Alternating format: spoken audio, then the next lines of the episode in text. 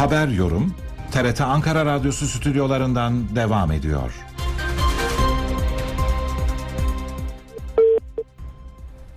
...12.41 saatimiz programımızın son bölümünde pandemiyle birlikte etkilendiğimiz çok önemli bir e, konuyu konuşacağız. Sosyal izolasyon, stres, kaygı ve karamsarlığın e, beyin sağlığı üzerindeki olumsuz etkilerini değerlendireceğiz. E, nöroloji uzmanı Profesör Doktor Barış Metin konuğumuz. Hoş geldiniz yayınımıza.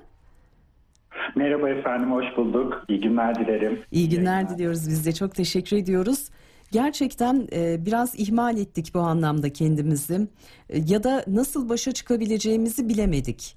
E, programın başında da vurgulamıştım. Yine Profesör Doktor e, Bilim Kurulu üyesi Serhat Ünal'la sohbetimizde e, ne düşüneceğimizi, nasıl yaşayacağımızı, normal yaşam pratiklerimizi aslında geride bırakırken e, birazcık şaşırdık ve e, bu da hani e, sağlığımızı olumsuz etkileyen bir e, durum olarak karşımıza çıktı. Nasıl yaşamamız gerekiyor bu süreci?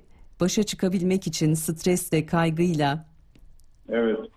Yani tabii bu pandemi süreci birçok farklı yönden saldırıyor insanın beyin sağlığına. Hı hı.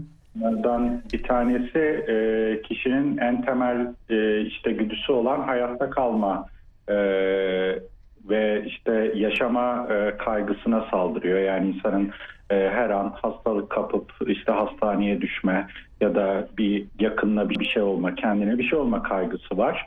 Ve bu anlamda hani bir e, ciddi bir varoluşsal e, kaygı yaratıyor bir kere e, pandemi. İkincisi e, ikinci darbe de şeyden geliyor, yalnızlıktan geliyor. Hı hı. E, hatta üçüncü de evde izolasyona bağlı olarak hani gece gündüz döngüsünün ve böyle rutin günlük alışkanlıklarımızın sapmış olmasından kaynaklanıyor. Evet. Ki birçok insan bu dönemde sürekli evden çalıştığı için artık böyle sağlıklı bir gece gündüz döngüsü ve işte uyku uyanıklık düzeni oturtamıyor. Gündüz uyuyor, gece uyanık kalıyor. Ve bunların hepsi pandeminin yarattığı işte çeşitli kabuslarla ee, işte bana bir şey olur mu, çocuklarıma bir şey olur mu kaygısıyla birleştikçe artık böyle gece boyunca e, uyanık kalıp e, sürekli gazetelerden bugün kaç vaka varmış, bugün kaç yoğun bakım varmış, ventilatör doluluk oranı neymiş gibi kaygı verici haberleri takip ederek insanlar e, sıkıntıya giriyor. E, bu e, tabii ciddi bir e, stresör. Böyle durumlarda tabii insan yani öncelikle sosyal bir varlık. Yani bizim sosyal hayatımızı tamamen engellememiz, hiç kimseyle görüşmememiz mümkün değil. E, bir şekilde mutlaka sosyal ilişkilerimize devam etmeliyiz. Hatta e, bence bu şeyler için daha önemli yani yaşlılar için daha hı hı. önemli. Çünkü pandemi en çok onları şey yaptı vurdu. Etkiledi evet. E, yani en sıkı e, karantina kuralları şeye uygulanıyor. 65 yaş üstüne uygulanıyor. E bu insanlar zaten sosyal açıdan e, çok fazla e, bağı olmayan, fazla dışarı çıkamayan insanlar. Bir de üzerine pandemi dolayısıyla işte ki aman kimse ziyaret etmesin, aman kimse görüşmesin işte e, denince iyice izole kalıyorlar ve yaşlılarda özellikle benim kendi hastalarımda özellikle bunaması olan daha önceden işte hafif düzeyde bir bilişsel bozukluğu olan Alzheimer hastası olanlarda çok ciddi bir çöküş gördüm ben bu dönemde. Yani bu hastalar çok kötüye gitti izolasyona bağlı olarak. O yüzden bu hastaları yalnız bırakmayalım. Yani ne olursa olsun böyle bir gidelim sosyal mesafe, hijyen, hı hı. dikkat ederek. Yani evlerine gidelim bir ellerini öpmesek de uzaktan böyle e, şey yapalım yani odanın bir köşesinde onlar. Sohbet edelim. Ee, yani kurallara uyarak maskemizle belki camları açabiliriz artık havalar da ısındı e, havadar bir ortamda konuşmanın hiçbir zararı olmaz herhalde değil mi? Evet özellikle yani yaşlılarımızı ziyaret edelim. Yani o hı hı. E, şey e, önemli.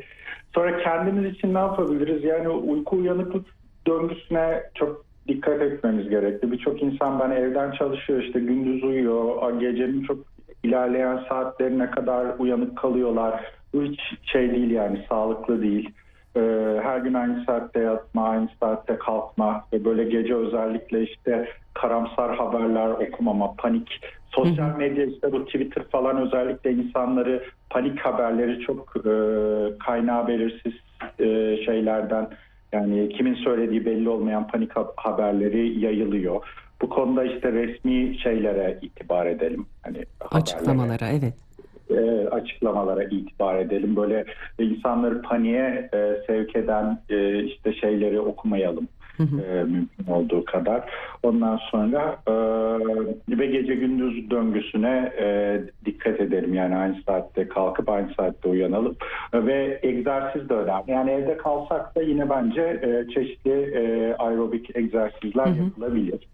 E, bu da hani bizim gece gündüz döngüsünü yaşamamıza, gündüz biraz yorulup gece daha rahat e, uyumamıza e, e, katkıda bulunacaktır.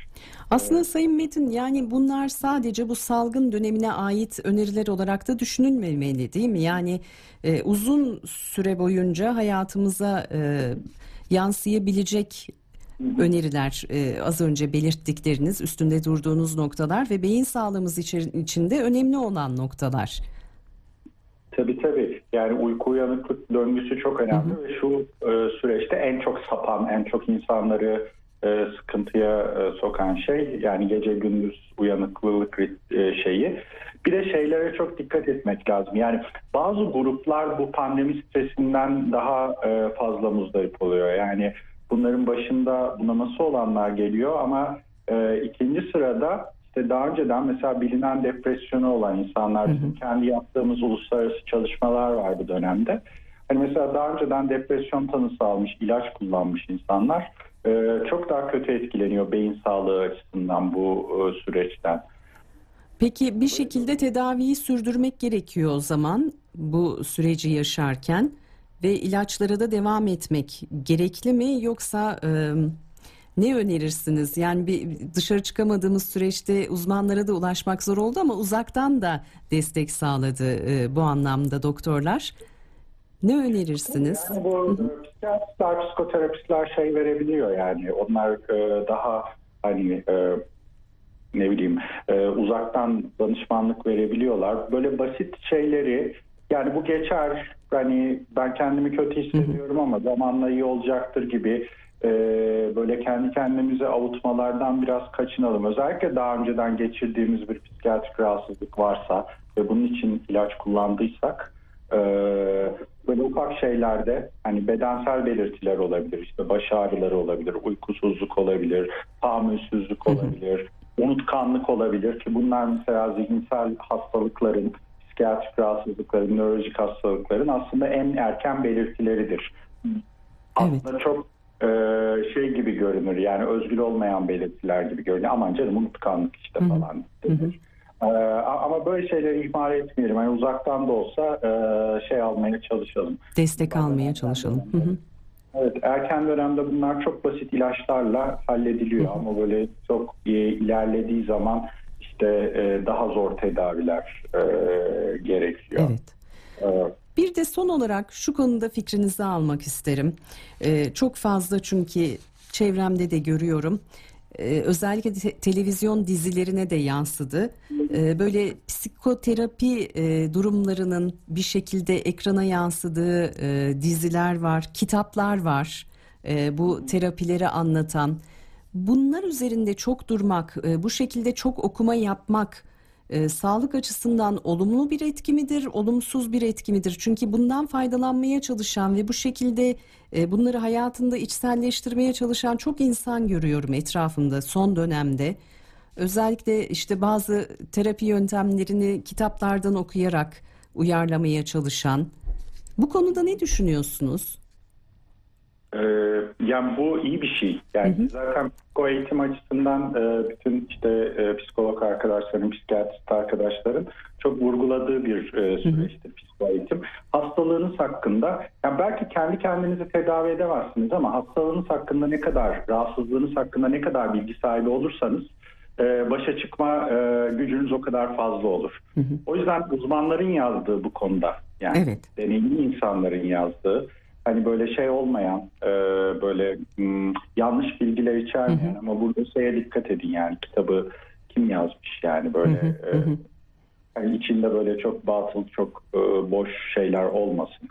E, bu konuda işte değerli e, öğretim üyelerinin e, yazdığı terapi kitapları tabii ki de takip edilebilir ve uygulanabilir. Ben e, kesinlikle öneririm. Peki. Oradaki seçim çok önemli o zaman. Evet. Ee, buna yönelik okumalar yapılmasında siz tavsiye ediyorsunuz ama doğru e, kaynağın seçilmesi hususunu bir kez daha vurgulayalım. Peki e, bir zararı olur mu? Yani bu kadar çok hani kendi psikolojimize e, kafa yormamızın olmayan bir şeyi de arttırır mı? Benim aslında e, aklımda oluşan soru bu. Yok arttırmaz. Yani orada zaten insanlar yani okumanın bir zararı olmaz kesinlikle. Orada insanlar e, baktıkları zaman bunlara zaten anlıyorlar bu ben değilim ya diyorlar yani. Hani Değil mi? hani e, ama böyle okudukça aha tam oturuyor bana falan diyorsanız İşte bir de hastalık çıkarma durumu olursa oradan o zaman tehlikeli duruma geliyor değil mi hocam? ya, Ya teşhis koymamamız lazım. İnsanlar kendilerine bu teşhis koyma, Google'dan arama Evet. yapıyorlar. O zararlı mesela.